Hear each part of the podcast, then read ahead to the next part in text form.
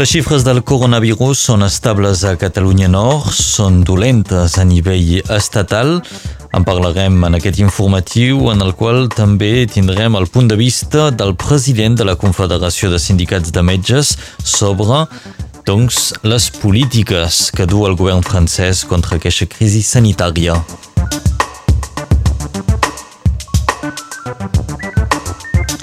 Avui es commemora el tercer aniversari del referèndum de l'1 d'octubre.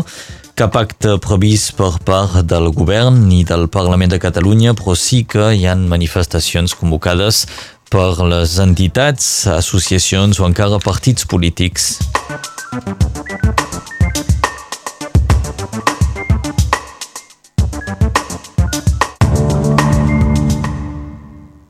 Les xifres del coronavirus són estables a Catalunya Nord després d'una lleugera baixa del nombre de malalts.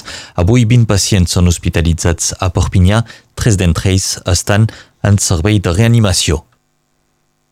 Aquestes xifres són positives, però no deixen de ser una excepció.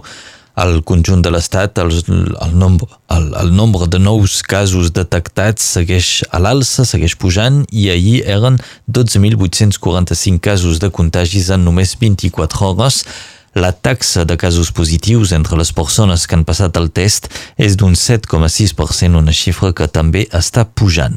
A Catalunya Nord, els laboratoris privats han augmentat el nombre de proves PCR realitzades i actualment estem al torn de les 12.000 proves fetes cada setmana.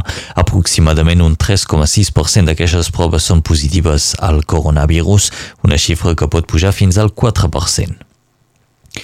I a Perpinyà les màscares seran obligatòries encara en diversos carrers de la vila fins al 31 d'octubre. Recordem que la màscara també és obligatòria a la vora de les escoles i als mercats a l'aire lliure. Els professionals de la restauració i dels bars es van reunir dimarts amb el primer ministre Jean Castex. La voluntat era de calmar les tensions entre els professionals de la restauració i el govern francès. Després de l'anunci de les mesures de tancament o de restriccions d'horaris, els amos dels bars i restaurants van manifestar a París. Aquestes mesures adoptades pel govern no sempre tenen el ple suport dels científics i, i, i professionals de la salut. Joan Pau Ortiz és el president de la Confederació de sindicats de metges de l'estat francès i lamenta que les polítiques actuals augmentin el clima de por entre la ciutadania. Sobre la decisió de tancar els bars a les 10 de la nit o inclús de tancar-les totalment a la zona de Marsella, jo quedo molt escèptic perquè no hi ha cap estudi científic que digui cal tancar els bars a les 10 jo trobo que la comunicació del govern no és bona. No és bona perquè han pres decisions que la gent no les ha comprès.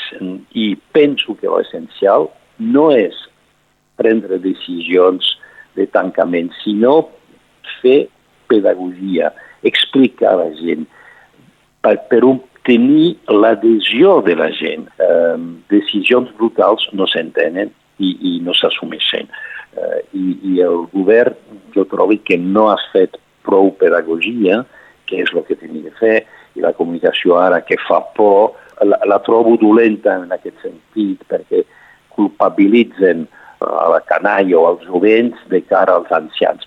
Explicar a la gent per què tenen que tenir aquella actitud de cara al coronavirus. No els vull culpabilitzar, jo penso que tothom té que responsabilitzar. Bé, d'aquí el punt de vista de Joan Pau Ortiz, president de la Confederació de Sindicat de Metges de l'estat francès. I pel que fa doncs del sector de la restauració i dels bars, Uh, aquest sector es mostra molt inquiet i anticipa un tancament definitiu d'un 20% dels establiments abans de finals d'any. El govern francès respon de moment amb ajudes, com pot ser l'allargament del període d'atur parcial, el fons de solidaritat i també exoneracions de càrregues suplementàries. S'allarga la llista de festes anul·lades per, per causa del coronavirus. Arrés el torn de la festa de les bruixes de Tracera d'anunciar l'anul·lació de les festivitats. Ho ha anunciat el Fuga Rural de Tracera a través de les xarxes socials. El Tribunal Administratiu de Montpellier ha sentenciat que no hi ha cap motiu per anul·lar l'elecció municipal al vilatge de Reiners al Vallespí. El recurs presentat per Jean-François Dunyà contra el nou ball Guigatunes no ha estat acceptat. El Tribunal de Montpellier es pronunciarà aviat sobre una altra demanda d'anul·lació de l'elecció, en aquest cas pel vilatge dels Banys d'Arles. Cinc vianants han mort a Catalunya Nord des de l'inici d'any, una xifra que va comunicar ahir la prefectura i que representa prop de la meitat del nombre total de morts a les carreteres per aquest any 2020. Com a comparatiu, la prefectura recorda que el 2019 el nombre de persones mortes mentre caminaven a la vora de les carreteres eren de 6, és a dir, un menys que aquest any, quan estem doncs a inicis del mes d'octubre.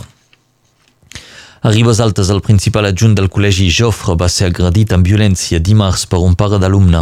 Els fets se van produir a l'entrada de l'establiment amb un pare que ja va amenaçar un assistent d'educació. Per calmar-lo, el principal adjunt va provar de dialogar amb ell i és en aquell context que es va produir l'agressió. El pare d'alumne ha estat plaçat en guàrdia vista. La brigada de gendarmeria de Ribes Altes està investigant aquest cas.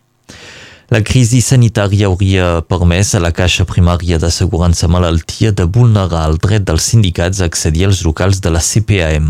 En tot cas, això és el que denuncia la CGT, que des de l'11 de març ja no pot entrar a visitar els treballadors com ho feia regularment. La CGT parla d'una vulneració del dret de circular al si de l'empresa i del dret de comunicar amb els treballadors. La CPAM avança motius sanitaris i de, pro de procediment que no permetrien acceptar la demanda de la CGT. El cas va passar ahir davant del jutge que hauria de prendre una decisió de cara al 14 d'octubre. I avui es commemora el tercer aniversari del referèndum de l'1 d'octubre del 2017, quan Catalunya va votar per la seva autodeterminació. Aquest any, ni la Generalitat ni el Parlament de Catalunya no han convocat cap acte, sí que ho han fet les entitats i els partits. L'ANC, per exemple, ha organitzat actes diversos eh, davant eh, de les comissaries de Guàrdia Civil de diferents punts de Catalunya. Òmnium Cultural ha convocat també per aquest migdia una trobada a l'Institut Plau Claris de Barcelona per fer una foto commemorativa amb la participació de partits polítics, institucions i entitats culturals. El CDR del Barcelonès han convocat una concentració a les 8 del vespre a la plaça de Sant Jaume de Barcelona amb el lema Vam votar, vam guanyar. També hi haurà concentracions dels CDRs a Girona i Tarragona. També es preveuen actes polítics de Junts per Catalunya, Esquerra i la CUP. I a Nova Caledònia els ciutadans votaran diumenge en un referèndum d'autodeterminació. Un primer referèndum es va celebrar el 2018, el no a la independència va guanyar per 56,67% dels vots. Aquell diumenge els votants hauran de respondre a la pregunta «Voleu que Nova Caledònia accedeixi a la plena sobirania i esdevingui independent?» 180.000 electors són cridats a les urnes aquell diumenge. Caldrà veure si en dos anys els independentistes hauran pogut aconseguir els 18.000 vots que els hi van mancar al primer referèndum. Els esports i els dracs catalans que van vèncer ahir al Camp de Leeds per 6 a 34. La clara victòria dels perpinyanesos els situen ara cinquens a la classificació. Pròxim partit pels dracs diumenge vinent amb la visita de l'equip de Wakefield a les 3 de la tarda.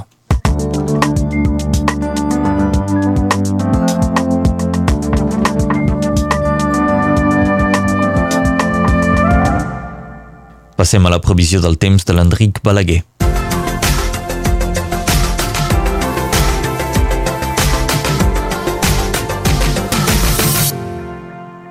Per l'octubre del foc, ni massa lluny ni massa prop. Per aquest primer dia d'octubre les condicions meteorològiques són estables. Tenim poc vent al matí, es reforça una mica cap al migdia però torna a afluixar a la tarda.